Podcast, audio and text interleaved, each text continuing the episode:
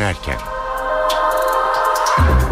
İyi akşamlar. Eve dönerken haberler başlıyor. Ben Tayfun Ertan. Günün haberleri ve yorumlarıyla yine 19.30'a kadar birlikte olacağız bu akşamda. Eve dönerken özetlerle başlıyor.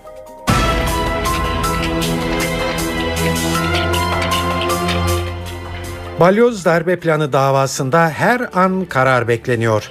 21 ay önce başlayan davada sona gelindi.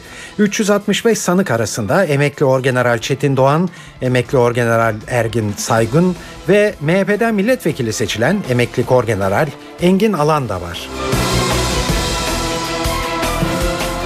Anayasa Mahkemesi'nden de kademeli eğitim yasasının laik ve sosyal hukuk devleti, eğitim öğrenim hakkı ve eşitlik ilkelerine uygun olup olmadığı kararı bekleniyor. CHP yasanın iptal edilmesi için Anayasa Mahkemesi'ne başvurmuştu. 600 bin işçinin maaş zammının gecikmesine yol açan tıkanıklığın aşılması için adım atıldı. Toplu sözleşme sürecini tıkayan toplu iş ilişkileri yasasının meclis açıldığında öncelikle ele alınması karara bağlandı. Merakla beklenen iPhone 5 yarın Amerika Birleşik Devletleri'nde Apple mağazalarında satışta olacak. Mağazaların önünde şimdiden uzun kuyruklar var. Ve Galatasaray Şampiyonlar Ligi'ne iyi futbol ama kötü skorla başladı. Bu akşam da Fenerbahçe Avrupa'da sahne alıyor. Sarı lacivertliler UEFA Avrupa Ligi'nde ilk maçta Marsilya'yı ağırlıyor.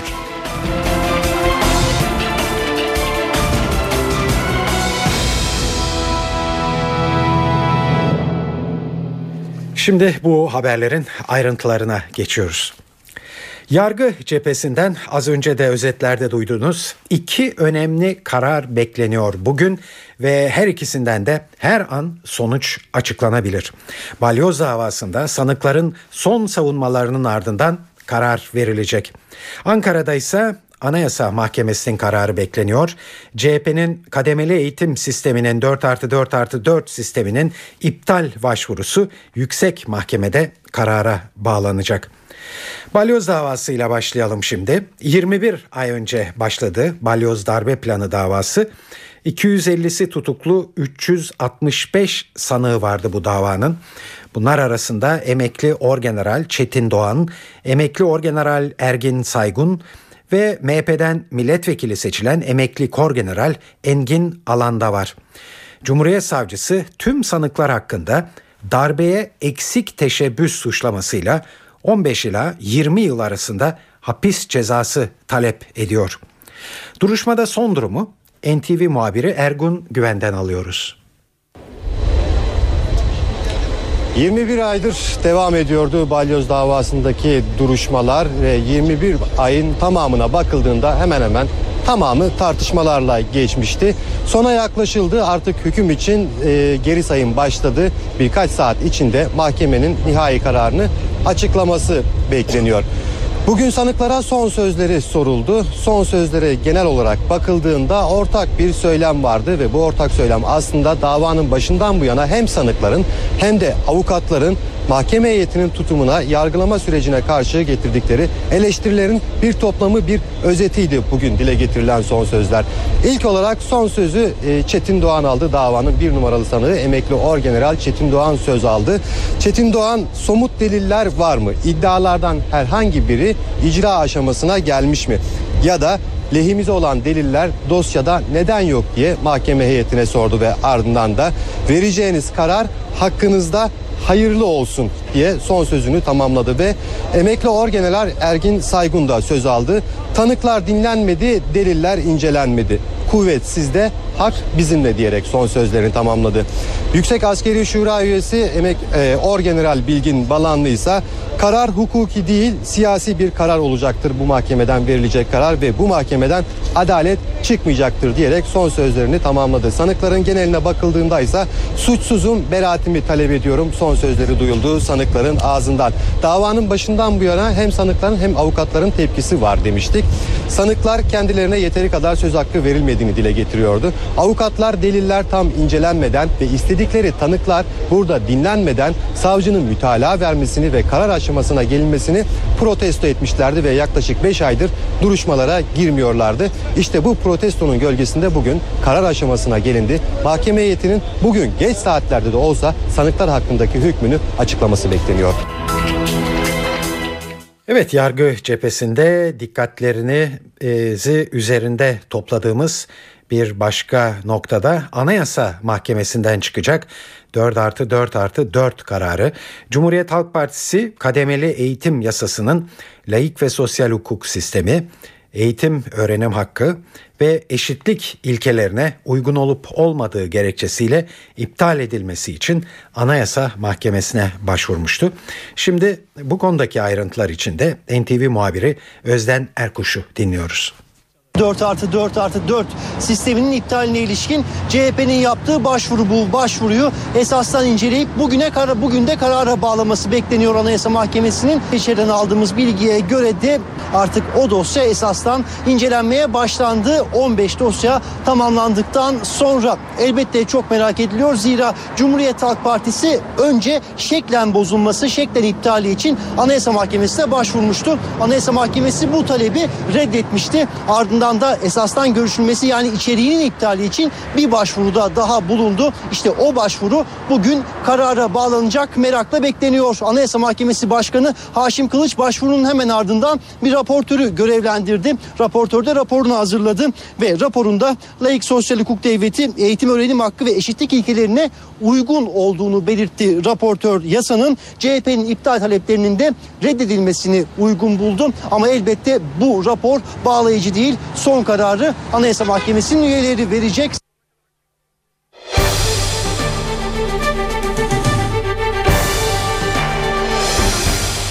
Evet, bu iki davadan da her an sonuç alabiliriz. Bu yayınımız sırasında sonuç gelirse tabii ki bunları size hemen yansıtacağız.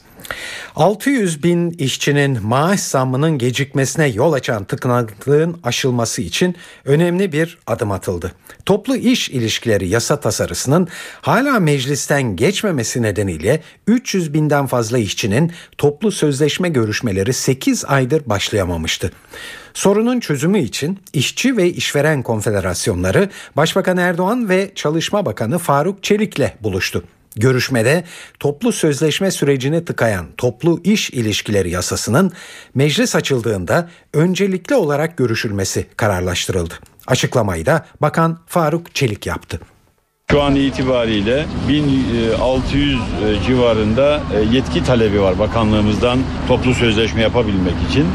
Fakat bu yasa çıkmadığı için yani toplu iş ilişkileri yasası yürürlüğe girmediği için bu yetkiyi veremez durumdayız. Bu çerçevede bir an önce bu yasanın çıkması gerekiyor. Yaklaşık 340 bin işçiyi ilgilendiren, bugün itibariyle ilgilendiren son derece önemli bir görüşmeyi bugün Başbakanlığımızla gerçekleştirmiş olduk. Yasa çıkmadan bu karmaşık durumu çözmek mümkün değil. Bildiğiniz gibi üç kez bu düzenleme yani yetkiyle ilgili iş kolu barajlarının tespitiyle ilgili istatistiklerin yayınlanması üç kez ertelenmiş idi. Son kez 31-12-2011 tarihi itibariyle ertelendiği nihai tarih bu idi. O günden bugüne toplu sözleşme yapma imkanını bulamıyor sendikalarımız. Bundan dolayı e, bu yasanın mutlaka çıkması gerekiyor. Rakamların şeffaf, rakamların gerçekçi rakamlara dönüşmesi gerekiyor. SGK verileri çerçevesinde çalışan şu anda 11 milyon işçi var iken bakanlık kayıtlarında 5 milyon 400 işçi görünüyor. %60 örgütlenmeden bahsederken aslında örgütlü sendikalı işçi sayısının %9'da olduğu gerçekleri var. E, tüm bu gerçekten izahında zorlandığımız hususların bu yasal düzenlemenin gerçekleşmesine bağlı olduğu bilinciyle bu çalışmaları sürdürüyor idik. Bugüne kadar e, ne yazık ki taraflar arasında nihai bir mütabakat sağlanamadığı için Sayın Başbakanımız da bu konuda mütabakat şartını her konuda olduğu gibi sosyal taraflarla mütabakat şartını çok e, önemsiyor. Bu çerçevede mütabakat sağlayın gelin demişlerdi. Bugün de taraflarla büyük ölçüde bu mütabakat sağlandı. Cumhuriyet Halk Partisi Genel Başkan Yardımcısı Haluk Koç'un mutabakat metni olarak açıkladığı Oslo görüşmeleri belgesi bir kez daha gündeme geldi biliyorsunuz. CHP'de bir grup terör örgütüyle masaya oturulmasına karşı ancak terör sona erecekse görüşlebilir diyenler de var. CHP'deki farklı görüşleri yansıtacağız önce sizlere. CHP Grup Başkan Vekili Emine Ülker Tarhan, PKK'nın ancak silah bırakırsa müzakere ortamından söz edilebileceğini söylüyor. Dünyanın hiçbir yerinde terörle mücadele edildiğinde e, terörün en güçlü olduğu dönemlerde oturup müzakere yapılmasının tartışıldığını görmedim. Ben terörist bütün silahlarını bıraktığı takdirde ancak e, müzakereyi hak eder diye düşünüyorum. Cumhuriyet Halk Partisi Adana Milletvekili Faruk Loğlu ise tepkimiz Oslo'da PKK ile masaya oturulmasına değil biz orada ne konuşulduğunu öğrenmek istiyoruz diyor. Oslo'da niçin görüştünüz diye sorgulamadık. Bizim sorumuz Oslo'da ne görüştün? Kürt yurttaşlarına yönelik yerine getiremeyeceğini bildiği bir takım vaatlerde bulunduğunu gözler önüne sermek istedik. Milliyetçi Hareket Partisi ise görüşmenin anayasal dayanağının olmadığını savunuyor. MHP Grup Başkan Vekili Oktay Vural, devlet kendi birlik ve bütünlüğünü bozacak müzakerelere girmez dedi. Silah oradan çalışacak. Askerin, polisim, vatandaşlarım bombalanacak. Seraplar yanacak, ölecek. Devlet görüşecek, meşrudur diyecek. Böyle bir zihniyette terörle mücadele edilmez.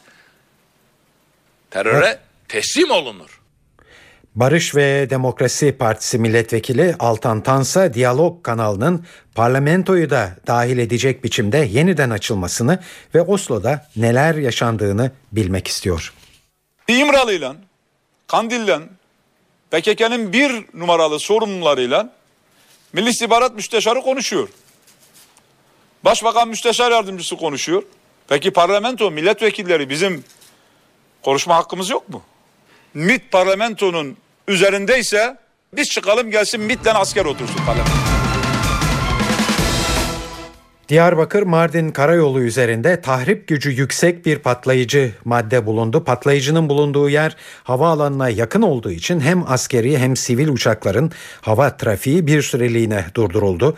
İhbar üzerine harekete geçen Diyarbakır polisi Çarıklı beldesinde yoğun güvenlik önlemleri aldı. Bölgeye çok sayıda özel harekat polisi de sevk edildi. Çarıklı köprüsü yakınlarında mutfak tüplerine yerleştirilmiş patlayıcılar bulundu. Bunlar imha edildikten sonra hava trafiği normal seyrine döndü. Son günlerde artan terör saldırılarının sonuncusunda dün Tunceli Ovacık'ta silahlı saldırıya uğrayan Cumhuriyet Başsavcısı Murat Uzun bugün hayatını kaybetti. Ankara'da dün Başbakanlıkta terör konusu bir kez daha ele alındı. Başbakan Tayyip Erdoğan, Adalet Bakanı Sadullah Ergin ve Başbakan Yardımcısı Beşir Atalay bir araya geldiler. Terörle mücadelede neredeyiz ve nasıl bir strateji izleniyor soruları en çok yanıt aranan sorular şu günler. Biz de genel bir değerlendirme amacıyla bu soruları Sabah gazetesi Ankara temsilcisi Okan Müderrisoğlu'na yönelttik. Bir zamanlar aşılımdan söz eden hükümetin terörle mücadele anlayışında nasıl bir değişiklik olduğunu sorduk. Artık şunu kabul edelim. 14 Temmuz 2011'deki PKK'nın terör örgütünün Silvan saldırısından sonra ciddi bir konsept değişikliği var. Şöyle bir yaklaşım artık bu. Yani terör örgütünün silahlı kapasitesi ve bu silahtan medet uman kadroların umudu kırılıncaya kadar çok kararlı ve çok sert bir mücadele yürüyecek. Neden? Bugün atacağınız her türlü adım terör nedeniyle ve sanki taviz gibi algılanabilir. Bir bakıma ya terör örgütü yani devletin ya da devleti bugün yöneten hükümet kadrolarının e, silah karşısında geri adım attığı izlenimini verip maksimalist taleplerini e, tekrar ortaya koyup başka bir atmosfere Türkiye sürükleyebilir. Hoş bugün geldiğimiz nokta da çok iç açıcı değil açıkçası. Ama bu işin bir güvenlik boyutu var. Şu anda oradaki sert ve gerçekten acı verici mücadeleyi konuşuyoruz. Onun ötesinde atılacak adımlara gelince zannedersem AK Parti çevrelerinde hakim kanaat şu. Bu terör örgütü silahı bırakıncaya ya da silahtan medet ummaz noktaya gelinceye kadar mücadelenin sürüp bundan sonra atılacak adımların terör örgütünün beklentileri ya da terör örgütünün sözde gücü karşısında atılmış adımlar gibi bir izlenimden kurtarılması, ayrıştırılması. Yani bunlar zaten bu ülkenin daha yüksek demokratik standartlara erişmesi, kültürel hak alanının genişletilmesi, barış içinde bir arada yaşama için terörden ve terör örgütünden bağımsız olarak yapılması gerekenler ve bunları yapmaya da niyetli ve kararlı bir hükümet yapısı var. Ama bugünkü şartlarda yapacağınız her hamle sanki terör örgütünün güç kazanması ya da o silahlı gücün sonuç alması gibi algılanabilir. Bu ince çizgide o ayrıştırmayı yapmaya çalışan oldukça zorlu bir süreçte Türkiye. Ama şunu kabul edelim ki dördüncü yargı paketi aslında Türkiye'de yani terörün tanımından terör örgütü üyeliği, yardım yataklık gibi temel dinamikleri de oldukça farklı bir şekilde ele alıp Türkiye'yi her anlamda soluklandırabilecek umut verici adımlar, öneriler ve önlemler içeriyordu. Ama bugünün şartlarında e, hani bırakın meclisin gündeminde ele alınmasını yani entelektüel olarak konuşulması bile çok güç bir aşamadayız. Ama böyle bir hazırlığın paralel olarak öteden beri sürdüğünü söyleyeyim. Ama bu hazırlık var diye terörle mücadelede bir taviz, orada mücadele eden, canı pahasına mücadele eden güvenlik güçlerinin azmini ve moralini boza- bozacak Ankara'dan farklı bir sürpriz bu aşamada beklemek biraz hayalcilik olur. Saat 18.16 NTV Radyo'da eve dönerken haberleri dinliyorsunuz. Şimdi İstanbul'daki yol durumuna bir bakalım isterseniz. Büyükşehir Belediyesi Trafik Kontrol Merkezi'nden Murat Kazanasmaz anlatıyor. Mutlu akşamlar. Trafik yoğunluğu Anadolu yakasından Avrupa yakasına geçiş yönünde Fatih Sultan Mehmet Köprüsü'nde henüz etkili olmaya başlamadı. Bu noktada hareketli bir trafik yaşanıyor. Boğaziçi Köprüsü'nde Çamlıca trafiği açık. Altunizade'ye geçtikten sonra trafik yoğunluğu köprü yönünde başladı. Dikkat edecek olursak ters yönde de köprü çıkışında Altunizade istikametinde yoğunluk var. Avrupa Anadolu geçişinde Boğaziçi Köprüsü'nün yoğunluğu dün olduğu kadar etkili. Çağlayan yan yolda yoğunluk başlarken Ok Meydanı trafiği açık. Haliç'in üzerinde Topkapı yönündeki akış devam ediyor fakat tema ayrımdan dolayı izlediğimiz noktada yavaş yavaş Haliç'in üzerinde de yoğunluk başladı. Cevizli Bağda Mertel istikameti az önce duruyordu. Bu nokta hareketlendi ama Mertel trafiğinde havalimanı istikametine doğru yoğunluğunu arttığını vurgulayalım. Ters yöne bakacak olursak Cevizli Bağ istikameti yönünde açık ve hareketli bir trafik yaşanmakta. İstoç'ta havalimanı istikametine dönüşlerde yoğunluk var ve Mahmut Bey gişeler istikametine bu yoğunluk devam ediyor. Yoğunluk ile Metris gelişinde şu an için devam etmekte. Mutlu akşamlar.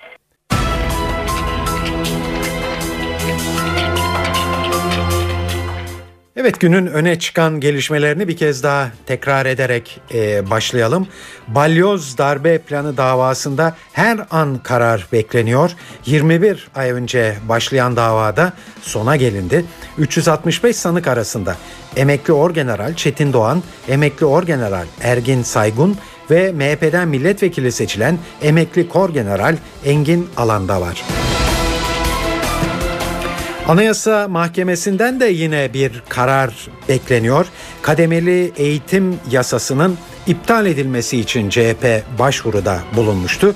Şimdi Anayasa Mahkemesi'nin bu konuda nihai kararını vermesi bekleniyor. Şimdi günün diğer gelişmeleriyle devam ediyoruz. Milli Eğitim Bakanı Ömer Dinçer yeni eğitim sistemiyle 120 bin öğretmen açığının ortaya çıktığını söyledi.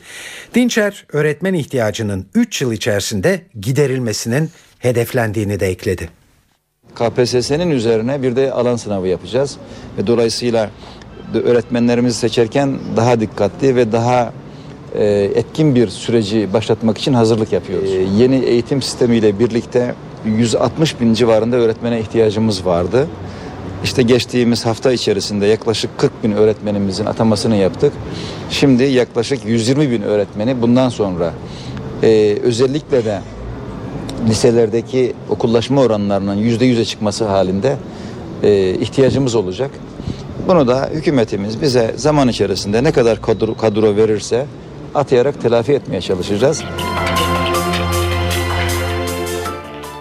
Şanlıurfa sınırında top sesleri dinmiyor. Akçakale'nin karşısındaki Tel Abyad'da sınır kapısı dünden bu yana Suriyeli muhaliflerin kontrolünde. Ancak bölgedeki çatışmalar tüm şiddetiyle devam ediyor. Okulların tatil edildiği Akçakale'de sınıra yakın bölgelerde yaşayanlar dışarı çıkmamaları konusunda uyarılıyor. Şimdi ayrıntılar için Diyarbakır temsilcisi Nizamettin Kaplan'ı dinliyoruz. Gün boyunca belirli aralıklarla top atışları yapıldı. Türkiye-Suriye sınırına Esad'a bağlı askerler tarafından ama sınır kapısının Suriye tarafında yeniden silah sesleri gelmeye başladı. Yeniden çatışmalar başladı ve bu çatışmalar halen devam ediyor. Bu arada gün içerisinde atılan toplardan biri, top mermilerinden biri e, Türkiye sınırının iç kısmına e, isabet etti.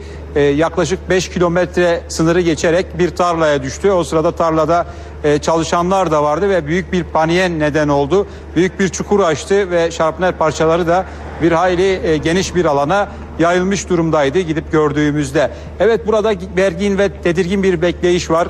Çünkü yapılan atışlarda e, top mermilerinin nereye düşeceği e, belirsiz. Dolayısıyla vatandaşlar her an risk altında. Zaten bu risk e, bilindiği için de güvenlik güçleri, belediye sürekli anonslar yaparak vatandaşları uyarıyor. Bu nedenle zaten okullar da tatil edilmişti pazartesi gününe kadar. Suriye tarafından düşürülen askeri uçakla ilgili kaza Kırım inceleme raporunun tamamlanmasının ardından Ankara şimdi bundan sonra atacağı adımları belirlemeye çalışıyor. Esad yönetimini muhatap almak istemeyen Türkiye'nin özür ve tazminat haklarını saklı tutmaya devam etmesi beklenmekte. Türkiye'nin atacağı muhtemel adımları NTV muhabiri Didem Tuncay'dan öğreniyoruz. Suriye tarafından düşürülen askeri uçakla ilgili kaza Kırım inceleme raporu tamamlandı. Uçağın hukuk ihlal edilerek uluslararası hava sahasında düşürüldüğü kesinleşti. Ankara şimdi bundan sonra atacağı adımları belirlemeye çalışıyor. Suriye'den özür ve tazminat istenmesi bir seçenek. Ancak bu Esad yönetiminin muhatap alınması anlamına gelecek. Bu nedenle Ankara'nın özür ve tazminat haklarını şu aşamada kullanmaması, bu haklarını saklı tutmaya devam etmesi bekleniyor. Uluslararası Adalet Divanı ya da Uluslararası Ceza Mahkemesi'nin devreye girmesi de mümkün görünmüyor. E, çünkü Uluslararası Adalet Divanı'na gitmek için Suriye'nin rızası gerekli. Türkiye Uluslararası Ceza Mahkemesi'ne ise zaten taraf değil. Başbakan Recep Tayyip Erdoğan olay sonrası Türk Silahlı Kuvvetleri'nin angajman kurallarının değiştiğini açıklamıştı. Bu çerçevede Suriye'den yaklaşan her askeri unsur güvenlik riski ve tehdit olarak algılanacak. Buna göre muamele görecek. Bu kararda değişiklik beklenmiyor. E, Türkiye NATO'yu istişareye de çağırmıştı. Türkiye'nin haklılığı NATO'da teyit edilmişti. Ancak e, Türk uçağının Suriye tarafından düşürülmesi kolektif savunma tedbirlerinin alınması için de yeterli görülmüyor. Yapılan ilk değerlendirmeler bu yönde. E, kaza Kırım inceleme raporu Dışişleri Bakanlığı başta olmak üzere ilgili kurumlara ulaştıktan sonra atılacak adımlar konusunda daha kapsamlı bir değerlendirme yapılacak. Evet Suriye'de bir de ülke içindeki çatışmalar nasıl ona bakalım. Muhalif güçlerle ordu arasındaki çatışmalar Türkiye sınırında ve Halep ve Şam'ın çevre mahallelerinde yoğunlaşmış durumda. Özgür Suriye ordusu Şam'ın doğusunda bir helikopter düşürdüğünü duyuruyor. Gelişmeleri NTV Şam muhabiri Hediye Levent'ten alıyoruz. Helikopter sabah saatlerinde Duma Harasta kırsalındaki bir bölgede düşürüldü. Düştü daha doğrusu. Suriye yönetimi e, Suriye Devlet Televizyonu'nda yer alan bazı haberlerde helikopterin düştüğü şeklinde ifadeler kullandı. Yani muhalifler ise helikopteri kendilerinin düşürdüklerini iddia ediyorlar. Şu saate kadar helikopterin kendi e, teknik sorunlardan dolayı mı düştüğü yoksa muhalifler tarafından mı düşürüldüğü sorusu henüz netlik kazanmış değil. Diğer taraftan Şam'ın bazı bölgelerinde çatışmalar son birkaç gün özellikle yoğunlaştı. E, Dummar, Kutseya, Hacerüres ve Tadamun bölgeleri öne çıkıyor çatışmaların e, sıklaştığı bölgeler olarak. Yine Dummar bölgesi ki Şam'ın kırsalında bulunan ve Şam'a oldukça yakın bir bölge. E, bu bölgede yüzlerce silahın, silahlı muhalifin bulunduğuna yönelik bir takım haberler de geliyor.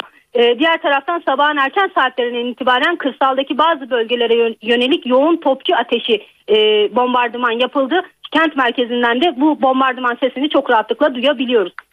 Halep'te yine e, birçok bölgede çatışmalar devam ediyor. Dün görüştüğümüz Halep'li bir kaynağımız Halep merkez ve dış mahalleleri dahil olmak üzere e, Halep'in ya en az %50'sinin çatışma bölgesi ya da çatışma riski olan e, bölgeler olduğunu e, belirtti. Yine Bostan El Paşa, Seyfül Devle, Şar, Şavur, e, Sukkeri gibi mahallelerde çok sık ve zaman zaman çok şiddetli çatışmaların yaşandığı da belirtiliyor. e, yine e, özellikle Halep'in kırsalında ve muhaliflerin kontrolü altında bulunan Munguç, Cerablus, Elbap ve Azaz gibi kasaba ve nahiyelerin çevresinde de yer yer şiddetli çatışmalar meydana geliyor. Son olarak dün muhaliflerin kontrolü altına geçen El Ab Tel Abyad e, sınır kapısına açılan kırsal bölgede de dünden itibaren bugün de devam etmek üzere şiddetli çatışmaların yaşandığı belirtiliyor. Özellikle kırsal bölgede.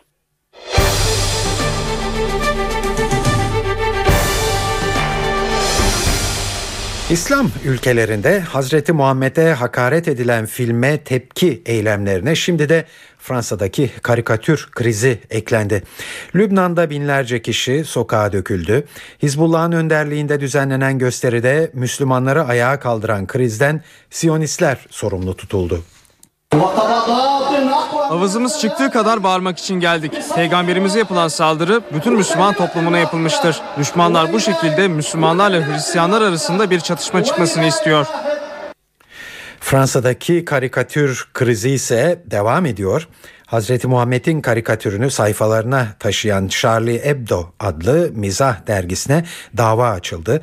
Kine teşvik suçlamasıyla açılan dava başvurusunu Suriye için Özgürlük Derneği adlı bir kuruluş yaptı. Fransa'daki Müslüman toplumun temsilcilerindense itidal çağrısı geldi. Fransa İslam Konseyi'nde yapılan açıklamada ülkedeki Müslümanlardan tahrike kapılmamaları istendi.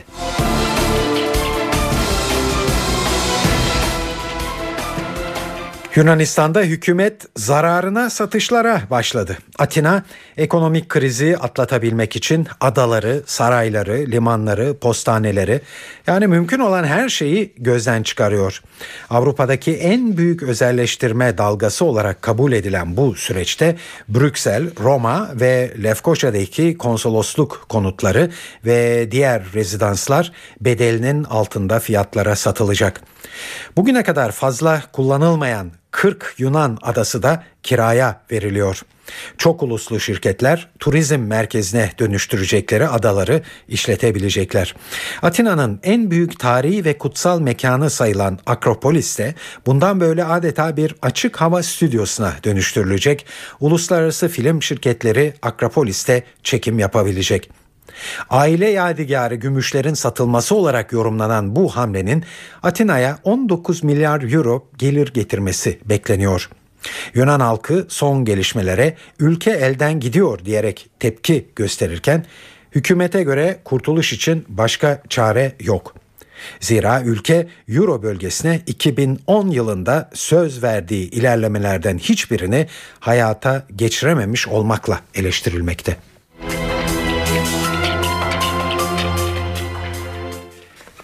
Evet Yunanistan'daki ekonomik durumdan bugün para ve sermaye piyasalarında neler oldu sorusuna geçelim.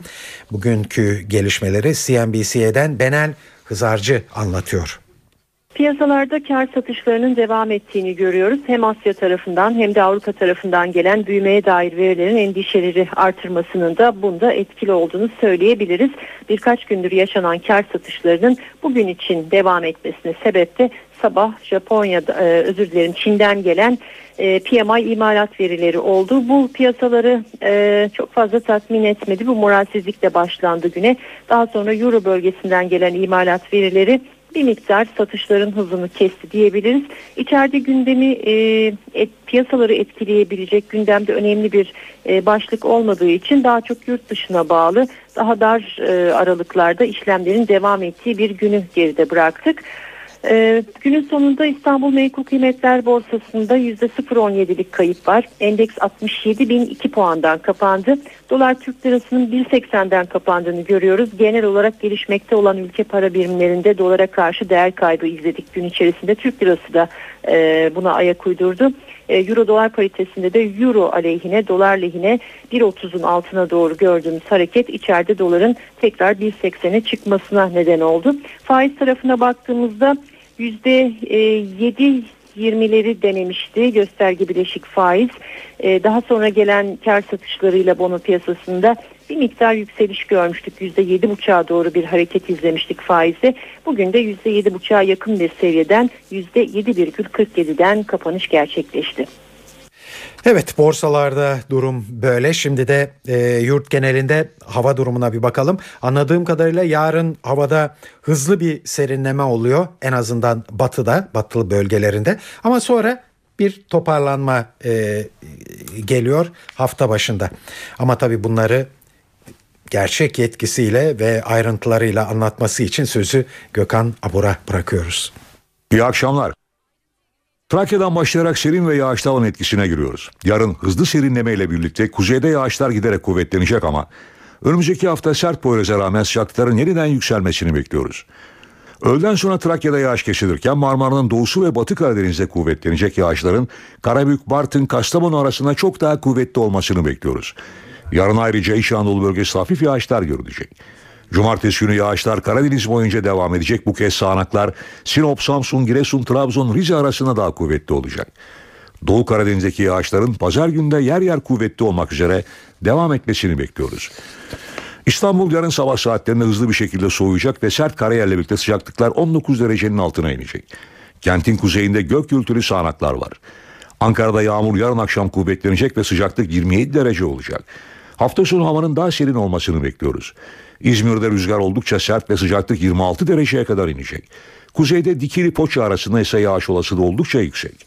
Hepinize iyi akşamlar diliyorum. Hoşçakalın. Saat 18.41 NTV Radyo'da eve dönerken haberler devam ediyor. Hızla özetleyelim günün öne çıkan e, gelişmelerini.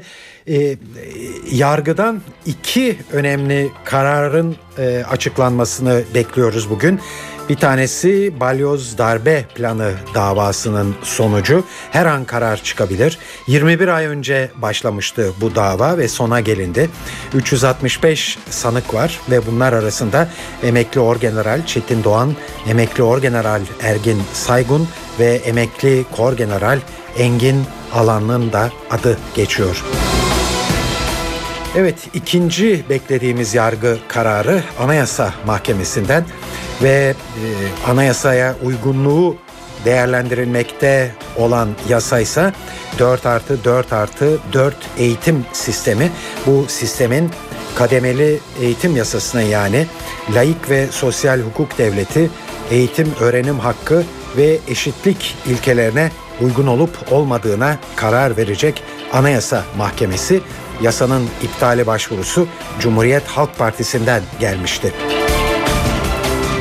ve 600 bin işçinin maaş zammının gecikmesine yol açan tıkanıklığın aşılması için bir formül bulundu. Toplu sözleşme sürecini tıkayan toplu iş ilişkileri yasasının meclis açıldığında öncelikle ele alınması kararlaştırıldı.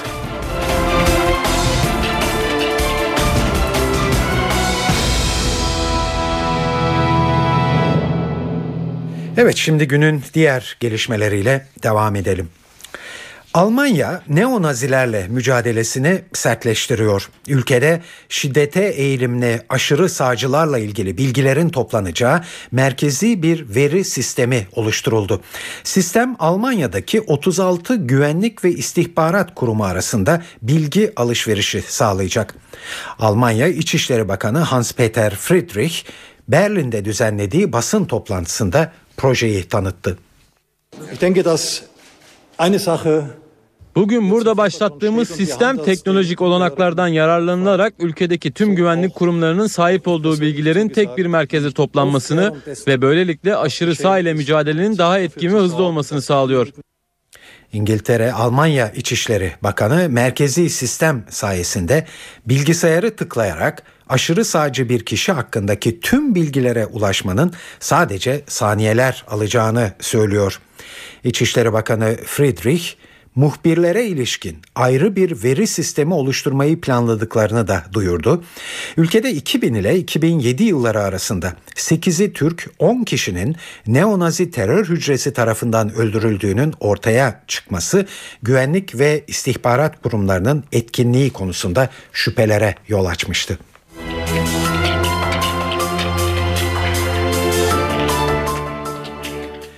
Evet şimdi bir araştırma sonucunu e, aktaracağız size. Genetiği değiştirilmiş organizmalarla ilgili olarak. Fareler üzerinde yapılan bir araştırmanın sonuçları Fransa'yı ayağa kaldırdı. Fransız bilim adamlarının iki yıl süren araştırması genetiği değiştirilmiş yani GDO'lu mısırla beslenen farelerin daha sık kansere yakalandığını ve daha genç yaşta öldüğünü ortaya koydu. Araştırmada dişi farelerin %80'inde meme tümörünün görüldüğü ortaya kondu. Erkek farelerinin çoğunluğunun ise karaciğer, deri kanseri ve böbrek rahatsızlıkları sonucu hastalanarak öldüğü belirlendi. Çalışmada GDO'lu ürün üretimi ve pazarlamasında başı çeken Amerikan şirketlerinden birinin ürünleri kullanıldı. Genetiğiyle oynanmamasına rağmen tarım ilacı katılmış mısırları yiyen farelerde de benzer etkiler gözlendi. Araştırma sonuçları Fransız hükümetini harekete geçirdi. Sağlık Bakanlığı konuyu soruşturması için bir heyet görevlendirdi. Şimdi Fransa Avrupa Birliği'ne genetiği değiştirilmiş her türlü gıdanın yasaklanması talebinde bulunmaya hazırlanıyor. Bu tür gıdaları üretip pazarlayan şirketlerse GDO'lu ürünlerin hiçbir sağlık riski içermediğini iddia ediyor.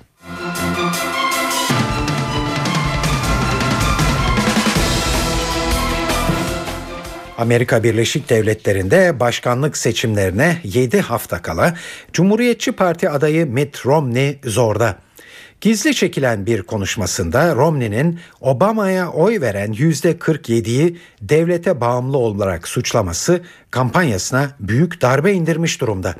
Büyük tepki çeken sözleri nedeniyle başkanlık yarışında en kötü günlerini geçiren Mitt Romney şimdi bu gafını düzeltme çabasında. Romney katıldığı bir televizyon programında seçim kampanyasının tüm Amerikalıları kapsadığını vurgulamaya çalışıyor. Son birkaç yıldır bu ülkede ayrımcılığın giderek arttığını gördük. Yürütülen politikalar bizi ayırdı. Ama benim kampanyam Amerikalıların yüzde yüzünü kapsıyor. Cumhuriyetçi adayın seçimlere 7 hafta kala kampanyasını yeniden rayına oturtmakta hayli zorlanacağına dikkat çekiliyor. Romney'e kendi Cumhuriyetçi Partisi'nden bile eleştiriler var artık. Zira Cumhuriyetçiler Romney'nin kötü performansının kongre seçimlerini de olumsuz etkilemesinden endişe duyuyor. Yeterince seçim mitingi düzenlemediği için de eleştiri alan Mitt Romney için durumu düzeltmek açısından son şansın 3 Ekim'de başlayacak baş, başkanlık müzakereleri olduğu belirtiliyor.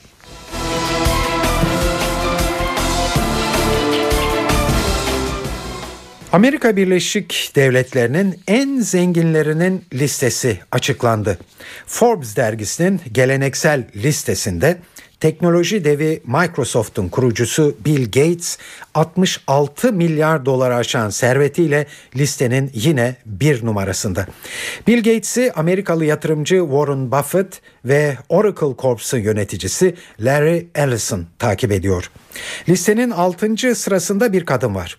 Amerikalı süpermarket zinciri Walmart'ın sahibi Christy Walton. Walton 28 milyar dolarlık servetiyle Amerika Birleşik Devletleri'nin en zengin iş kadını unvanını da elde ediyor. Listeye giren bir başka kadınsa Amerikalı televizyon sunucusu Oprah Winfrey. 2,7 milyar dolarla Winfrey listede 151. sırada yer alıyor.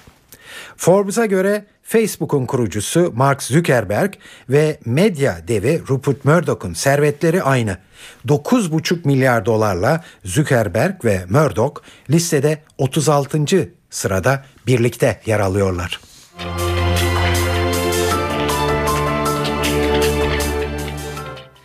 İslam ülkelerinde Hazreti Muhammed'e hakaret eden filmle ilgili tepkiler sürerken Hristiyan dünyasında başka bir tartışma var. Hazreti İsa evli miydi sorusunu gündeme getirecek yeni bir buluştan söz ediliyor. Eski Mısır dilinde yazılmış 4. yüzyıldan kalma bir papirüste Hazreti İsa havarilerine eşinden bahsediyor. Uzmanlara göre bu belge kilisenin inandığının aksine Hazreti İsa'nın evli olduğunun kanıtı olabilir. Hazreti İsa'nın evli olup olmadığını elbette hala kesin olarak bilmiyoruz. Ama Hristiyanların bu soruyu 2. yüzyılda sormaya başladığını biliyoruz. Hatta o yıllarda evli olduğuna inanan Hristiyanlar vardı. Evet din tarihçileri belgenin orijinal olduğunu ifade ederken asıl sonuç mürekkep üzerinde yapılacak testten sonra ortaya çıkacak. Hristiyan din adamlarına bakılırsa belge uydurma ve Hristiyanlığa bir saldırı amacı taşıyor.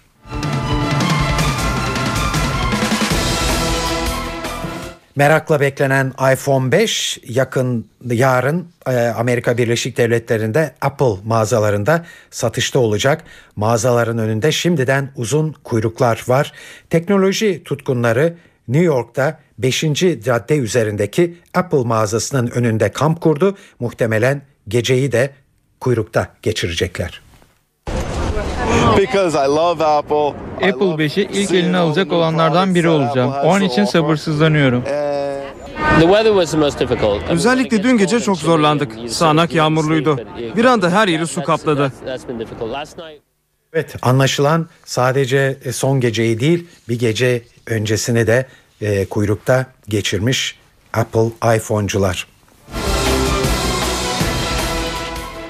Evet şimdi spor haberleri var sırada. Galatasaray Şampiyonlar Ligi'ne iyi futbol ama kötü skorla başladı.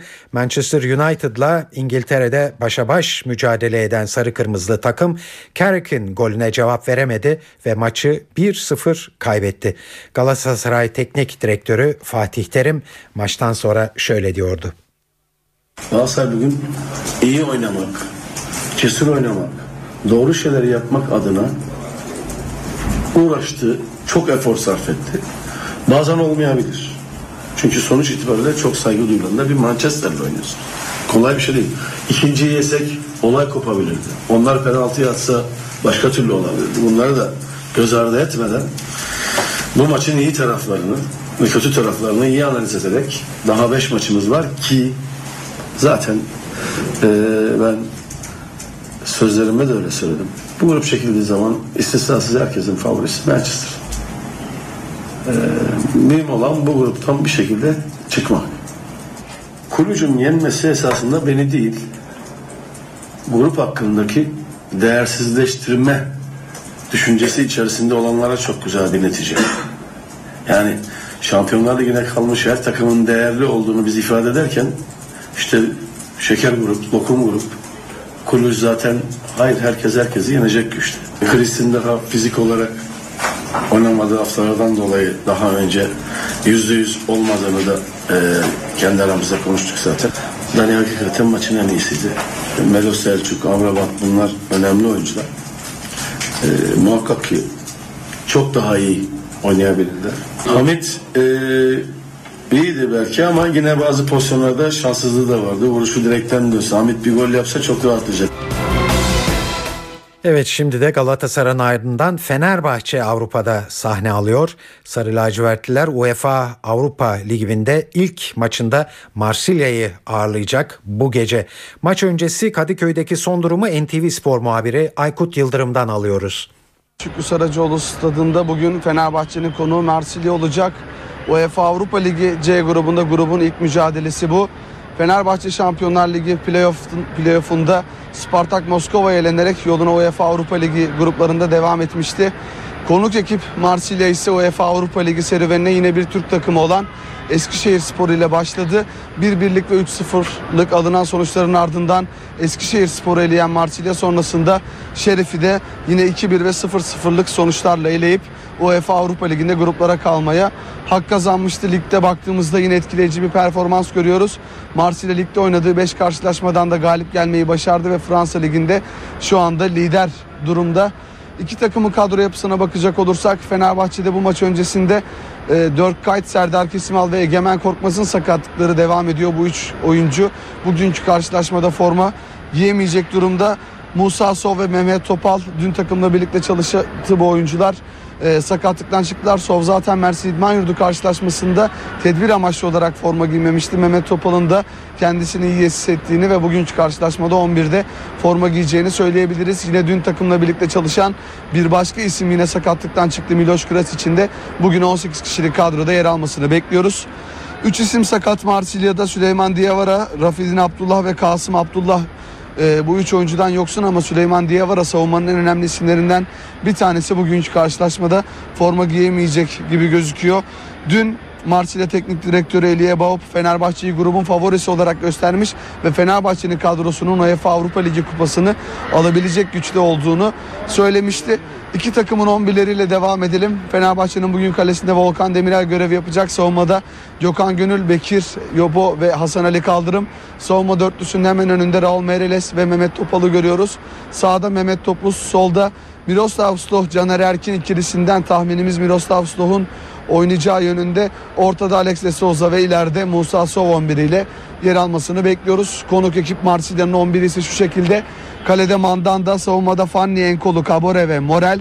Savunma dörtlüsünün önünde yeni transfer Joy Barton'la birlikte Amel Fitano ve Şeyru e, üçlüsü görev yapacak. Sağda Valbuena, solda Andraye ve ileride Cinyak 11 ile yer almasını bekliyoruz. Fransız temsilcisi için yaptığımız muhtemel 11'de bu şekildeydi. Evet saat 20'de başlayacak karşılaşmayı NTV Radyo'dan canlı olarak dinleyebilirsiniz. Balyoz darbe planı davasında her an karar bekleniyor. 21 ay önce başlayan davada sona gelindi. Anayasa Mahkemesi'nden de kademeli eğitim yasasının 4 artı 4 artı 4 sisteminin anayasaya uygun olup olmadığı kararı bekleniyor. Yine CHP yasanın iptal edilmesi başvurusunda bulunmuştu. Ama e, haberlere 600 bin işçiyi ilgilendiren bir haberle başlıyoruz. Bu 600 bin işçinin maaş zammının gecikmesine yol açan tıkanıklığın aşılması için bir e, formül bulundu. Toplu iş ilişkileri yasa tasarısının hala meclisten geçmemesi nedeniyle 300 binden fazla işçinin toplu sözleşme görüşmeleri 8 aydır e, başlayamamıştı. Sorunun çözümü için işçi ve işveren konfederasyonları Başbakan Erdoğan ve Çalışma Bakanı Faruk Çelik'le buluştu. Görüşmede toplu sözleşme sürecini tıkayan toplu iş ilişkileri yasasının meclis açıldığında öncelikli olarak görüşülmesi kararlaştırıldı. Bu açıklama Bakan Faruk Çelik'ten geldi. Şu an itibariyle 1600 e, civarında e, yetki talebi var bakanlığımızdan toplu sözleşme yapabilmek için. E, fakat bu yasa çıkmadığı için yani toplu iş ilişkileri yasası yürürlüğe girmediği için bu yetkiyi veremez durumdayız. Bu çerçevede bir an önce bu yasanın çıkması gerekiyor. Yaklaşık 340 bin işçiyi ilgilendiren, bugün itibariyle ilgilendiren son derece önemli bir görüşmeyi bugün Başbakanlığımızla gerçekleştirmiş olduk. Yasa çıkmadan bu karmaşık durumu çözmek mümkün değil. Bildiğiniz gibi üç kez bu düzenleme e, yani yetkiyle ilgili e, iş kolu barajlarının tespitiyle ilgili istatistiklerin yayınlanması üç kez ertelenmiş idi. Son kez 31-12-2011 tarihi e, itibariyle ertelendiği nihai tarih bu idi. O günden bugüne toplu sözleşme yapma imkanını bulamıyor sendikalarımız. Bundan dolayı e, bu yasanın mutlaka çıkması gerekiyor. Rakamların şeffaf, rakamların gerçekçi rakamlara dönüşmesi gerekiyor. SGK verileri çerçevesinde çalışan şu anda 11 milyon işçi var iken bakanlık kayıtlarında 5 milyon 400 işçi görünüyor. %60 örgütlenmeden bahsederken aslında örgütlü sendikalı işçi sayısının %9'da olduğu gerçekleri var. E, tüm bu gerçekten izahında zorlandığımız hususların bu yasal düzenlemenin e, gerçekleşmesine bağlı olduğu bilinciyle bu çalışmaları sürdürüyor idik. Bugüne kadar e, ne yazık ki taraflar arasında nihai bir mütabakat sağlanamadığı için Sayın Başbakanımız da bu konuda mütabakat şartını her konuda olduğu gibi sosyal taraflarla mütabakat şartını çok e, önemsiyor. Bu çerçevede mütabakat sağlayın gelin demişlerdi. Bugün de taraflarla büyük ölçüde bu mütabakat sağlandı. Az önce haber özetlerinde de duyduğunuz gibi yargı cephesinden iki önemli karar bekleniyor bugün. Her ikisinden de her an sonuç alabiliriz. Balyoz davasında sanıkların son savunmalarının ardından karar açıklanacak, ara verildi mahkemeye. Ankara'da ise Anayasa Mahkemesi'nin kararı bekleniyor. CHP'nin iptal başvurusu üzerine mahkeme kademeli eğitim sisteminin anayasaya uygun olup uymadığını değerlendiriyor. Balyoz davasıyla başlıyoruz. 21 ay önce başlamıştı balyoz darbe planı davasında e, sona gelindi. 250'si tutuklu 365 sanık arasında emekli orgeneraller de var. Duruşmadaki son durumu NTV muhabiri Ergun Güven'den alıyoruz. 21 aydır devam ediyordu balyoz davasındaki duruşmalar ve 21 ayın tamamına bakıldığında hemen hemen tamamı tartışmalarla geçmişti. Sona yaklaşıldı artık hüküm için e, geri sayım başladı. Birkaç saat içinde mahkemenin nihai kararını açıklaması bekleniyor. Bugün sanıklara son sözleri soruldu. Son sözlere genel olarak bakıldığında ortak bir söylem vardı ve bu ortak söylem aslında davanın başından bu yana hem sanıkların hem de avukatların mahkeme heyetinin tutumuna, yargılama sürecine karşı getirdikleri eleştirilerin bir toplamı bir özetiydi bugün dile getirilen son sözler. İlk olarak son sözü e, Çetin Doğan aldı. Davanın bir numaralı sanığı emekli orgeneral Çetin Doğan söz aldı. Çetin Doğan somut deliller var mı? İddialardan herhangi biri icra aşamasına gelmiş mi? Ya da lehimize olan deliller dosyada neden yok diye mahkeme heyetine sordu ve ardından da vereceğiniz karar hakkınızda hayırlı olsun diye son sözünü tamamladı ve emekli orgeneral Ergin Saygun da söz aldı. Tanıklar dinlenmedi, deliller incelenmedi. Kuvvet sizde, hak bizimle diyerek son sözlerini tamamladı.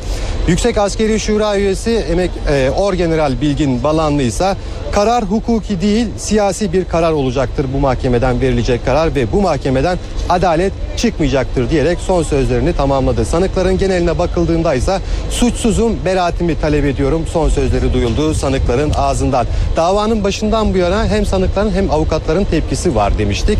Sanıklar kendilerine yeteri kadar söz hakkı verilmediğini dile getiriyordu. Avukatlar deliller tam incelenmeden ve istedikleri tanıklar burada dinlenmeden savcının mütalaa vermesini ve karar aşamasına gelinmesini protesto etmişlerdi ve yaklaşık 5 aydır duruşmalara girmiyorlardı. İşte bu protestonun gölgesinde bugün karar aşamasına gelindi. Mahkeme heyetinin bugün geç saatlerde de olsa sanıklar hakkındaki hükmünü açıklaması bekleniyor.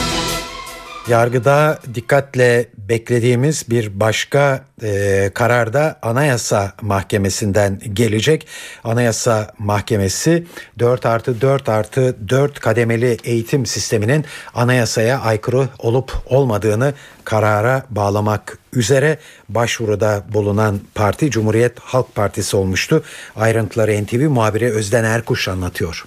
4 artı 4 artı 4 sisteminin iptaline ilişkin CHP'nin yaptığı başvuru bu başvuruyu esasdan inceleyip bugüne karar bugün de karara bağlaması bekleniyor Anayasa Mahkemesi'nin. İçeriden aldığımız bilgiye göre de artık o dosya esasdan incelenmeye başlandı. 15 dosya tamamlandıktan sonra elbette çok merak ediliyor. Zira Cumhuriyet Halk Partisi önce şeklen bozulması, şeklen iptali için Anayasa Mahkemesi'ne başvurmuştu. Anayasa Mahkemesi bu talebi reddetmişti. Ardından ardından da esastan görüşülmesi yani içeriğinin iptali için bir başvuruda daha bulundu. İşte o başvuru bugün karara bağlanacak merakla bekleniyor. Anayasa Mahkemesi Başkanı Haşim Kılıç başvurunun hemen ardından bir raportörü görevlendirdi. Raportör de raporunu hazırladı ve raporunda laik sosyal hukuk devleti eğitim öğrenim hakkı ve eşitlik ilkelerine uygun olduğunu belirtti raportör yasanın CHP'nin iptal taleplerinin de reddedilmesini uygun buldu. Ama elbette bu rapor bağlayıcı değil son kararı Anayasa Mahkemesi'nin üyeleri verecek. Evet bugünler futbol günleri diyebiliriz. Dün akşam Galatasaray İngiltere'de Manchester United karşısındaydı. İyi bir futbol oynadı Galatasaray. Ee, bugün İngiliz basını övgüyle bahsediyor futboldan. Ama sonuç e, Galatasaray'ın istediği gibi olmadı. Bu akşam Fenerbahçe e, Avrupa'da sahne alıyor. Sarı lacivertliler UEFA Avrupa Ligi C grubunun ilk maçında Marsilya'yı ağırlayacaklar. Fenerbahçe Teknik Direktörü Aykut Kocaman maç öncesi basının karşısındaydı bugün. Kocaman takımdaki eksikliklere rağmen kazanmak için sahaya çıkacaklarını söyledi. Ee, rakibimiz e, sezon itibariyle, sezona başlangıç itibariyle son derece formda başladı. Büyük bir moralle, e, moral motivasyonuyla çıkacaklar karşımıza. Ancak e, her zaman altını çizdiğimiz bir gerçek var ki e, özellikle ve özellikle kendi sahasında e, bir vites daha büyüyebilen bir takımımız var. En büyük e, avantajlarımızdan bir tanesi e, taraftarımızla beraber içeride oynamanın büyük avantajını kullanmak için büyük çaba göstereceğiz. Bu gelecekte de özellikle grubun e, son maçlarına e, bundan sonraki maçlarına giderken ve sona doğru giderken alınacak e, galibiyet bize büyük bir hem moral hem de büyük bir avantaj getirecek. Bunu da biliyoruz. Ama zor bir maç. Musa'nın da biraz evvel söylediği gibi gerçekten formda ve moralli bir takımla oynayacağız. Ama bunu biliyoruz. Bu da bizim için avantaj. Hangi oyuncular çıkarsa çıksın Fenerbahçe formasının temsil eden en iyi kadrodur o. Ve hiçbir şekilde en azından benim tarafımdan bir güç algısı veya güçsüzlük algısı yaratılmayacak bu konuyla ilgili olarak. Eğer kazanırsak ya da kaybedersek durumla ilgili değerlendirme yaparken bu oyuncuların olmamasının buna neden olduğunu söylemek en azından benim tarafından kabul görmeyecek bir gerekçe olacak. Ee, güçlü bir kadromuz var. Gücümüzü zaten sahaya yansıtacağız. Evet Aykut Kocaman böyle diyordu bu akşamki maç hakkında e, başlamasına da 45 dakika kadar bir zaman var hepsi hepsi ve hemen e, sizlere e, duyuralım saat 20'de başlayacak olan bu karşılaşmayı NTV Radyo'dan canlı olarak dinleyebilirsiniz. Evet sırada kültür sanat faaliyetlerinden derlediğimiz haberlerimiz var.